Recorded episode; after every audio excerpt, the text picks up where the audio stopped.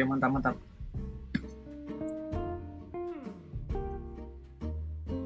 Kembali lagi di podcast pendidikan bersama saya Akil Alwanzai.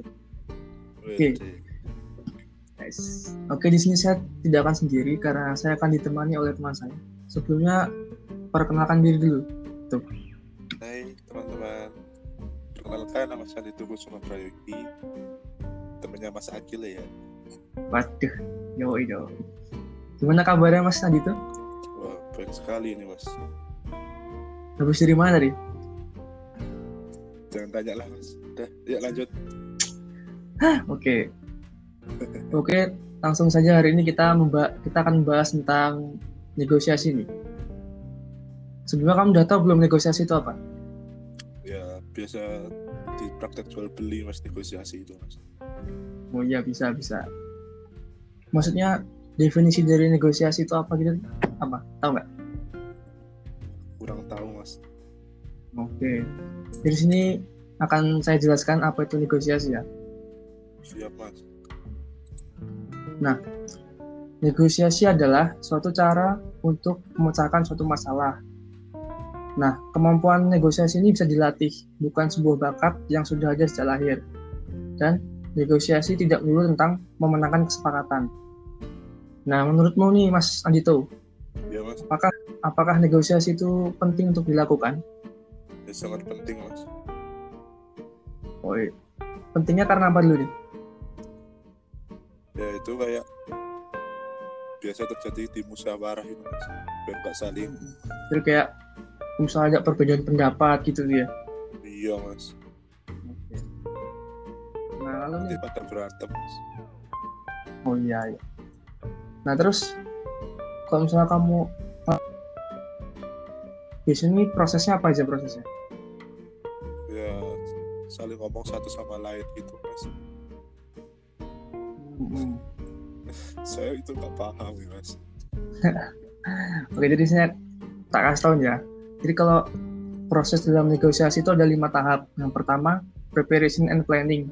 Jadi kita harus mempersiap- mempersiapkan apa yang akan kita negosiasikan dan memplanningnya. Gitu. Lalu yang kedua ini ada definition and ground rules. Oh, Lalu yang ke- ketiga ini ada clarification and justification. Lalu yang ke- keempat ada bargaining and problem solving. Dan terakhir ada closure and implementation. Nah, seperti itu mas. Siap Mas. Itu kalau di dalam kehidupan sehari-hari biasa dipakai nggak ya Mas? Yang paling sering dipakai yang mana? Itu dipakai semua mas biasa mas. Oh, jadi gitu ya Mas. Baru Iya dong. Kan kita kan kita kan harus mempersiapkan itu dulu sebelum bernegosiasi seperti itu. Oh, siap-siap Mas. Nah juga kan biasanya kan kalau sebelum melakukan negosiasi kan kita harus punya pertimbangan dulu nih. Kita harus membuat strateginya gimana, terus tujuan negosiasi kita nih buat apa? Apakah substantif, maksudnya itu berfokus pada hal yang sedang dinegosiasikan, atau relasional, yaitu berfokus pada hubungan dengan pihak lawan. Mas. Hubungannya itu yang diinginkan itu seperti apa? Apakah jangka panjang atau sementara? Seperti itu. Biasanya kalau Mas Andi itu mau bernegosiasi ini apa aja yang disiapin Mas? Ya posisi Mas. Terus kepentingan Hmm? ya banyak sih Mas. Oh iya. Itu termasuk benar ya, itu ada posisi dan kepentingan. Jadi untuk mempersiapkan negosiasi itu sebenarnya ada enam persiapan. Yang pertama itu benar dari posisi. Posisi itu maksudnya penawaran atau apa yang diinginkan. Ya, Lalu tadi kepentingan nih atau interest. Jadi kita nih negosiasi itu kepentingannya buat apa seperti itu. iya Mas. Lalu ada nih tradables yaitu hal-hal di luar perkara atau barang yang sedang dinegosiasikan yang bisa dipertukarkan kepada pihak lawan misalnya dalam studi kasus supplier gitu. Kita bisa menanyakan nih tentang macam metode pengiriman, alternatif dan bahan yang kita butuhkan.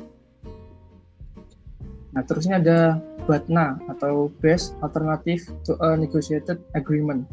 Itu alternatif terbaik yang akan diambil ketika negosiasi gagal. Nah, kalau misalnya negosiasi gagal ini kita bisa pakai BATNA. Yaitu pertama, kita identifikasi dulu alternatif apa yang bisa kita lakukan. Lalu yang kedua, kita survei dan riset alternatif. Nah, yang ketiga nih, tentukan ide terbaik seperti apa yang untuk jalan tengahnya seperti itu. Lalu yang keempatnya ada identifikasi batna lawan. Terus ini ada MESO atau Multiple Equivalent Simultaneous Offer. Itu memberikan penawaran beberapa tawaran terbuka seperti opsi kepada pihak lawan. Ini kayak misalnya kayak ini biasanya Mas Andi itu ini bisa sering ketemu nih kalau yang meso. Meso ini kayak misalnya iya mas beli satu gratis satu seperti itu.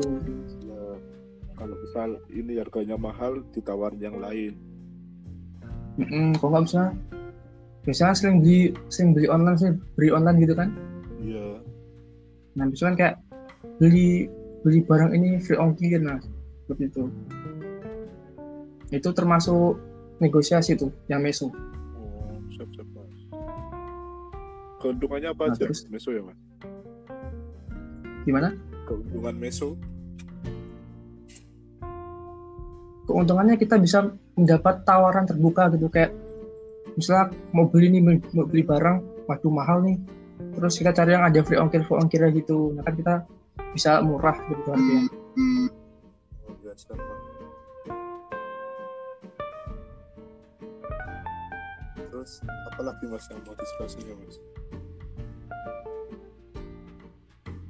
Nah. Nah, sabar dong mas.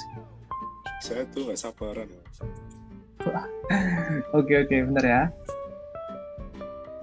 terus ya kan kalau misalnya mau negosiasi kan kita harus tahu kepentingannya apa. Terus kayak misalnya kamu mau beli kain nih nah itu kain itu bahannya buat apa? Terus kenapa beli harganya segitu? Iya karena ya harga itu itu harga murah di pasaran seperti itu. Terus untuk produksi kapan dan kenapa memilih vendor tersebut? Iya iya iya. nah biasanya kalau Mas Andi tuh udah selesai negosiasi nih gimana cara penutupannya Mas apa langsung ditinggal gitu atau gimana Mas Ya kalau biasanya kalau harganya nggak cocok ya langsung saya tinggal mas. oh jangan dong Mas Udah kebiasaan mas di perdesaan itu mas. oh jadi kok sebenarnya saya kasih info nih ya kalau misalnya udah selesai negosiasi itu pertama jangan buru-buru memberikan penawaran terakhir dan jangan mendesak lawan untuk memberikan tawaran terakhir jika misal ingin mengubahnya jadi jangan langsung oke ini ini ya deal deal gitu jangan gitu mas. Jadi kita harus mikir dulu rencananya gimana gimana gitu. Lalu buat MOM atau minutes of meeting itu atau notulensi terus juga bisa membuat MOU confirmation letter atau commitment letter. Itu untuk mengamankan kesepakatan. Terus yang terakhir tuh jangan lupa untuk negosiasi dengan pujian agar pihak lawan merasa dipercaya dan lebih mungkin untuk bersedia bekerja sama lagi di lain waktu seperti itu. Nggak kapok ya. Ah, kan ya. Oke, oke ya Mas, terima kasih buat Mas Anjito udah nemenin Udah, saya di sini buat bahas negosiasi. Iya dong. Ini waktunya sudah mepet nih, Mas. Saya ada deadline. Oke, seperti aja ya Mas ya. Semoga ilmunya bermanfaat nih bagi pendengar juga, bagi yang mendengarkan seperti itu. Ada ya mas. Siap siap. Oke, sekian dari saya dan Mas Andito. Sampai bertemu lagi di podcast berikutnya. Bye bye. Bye.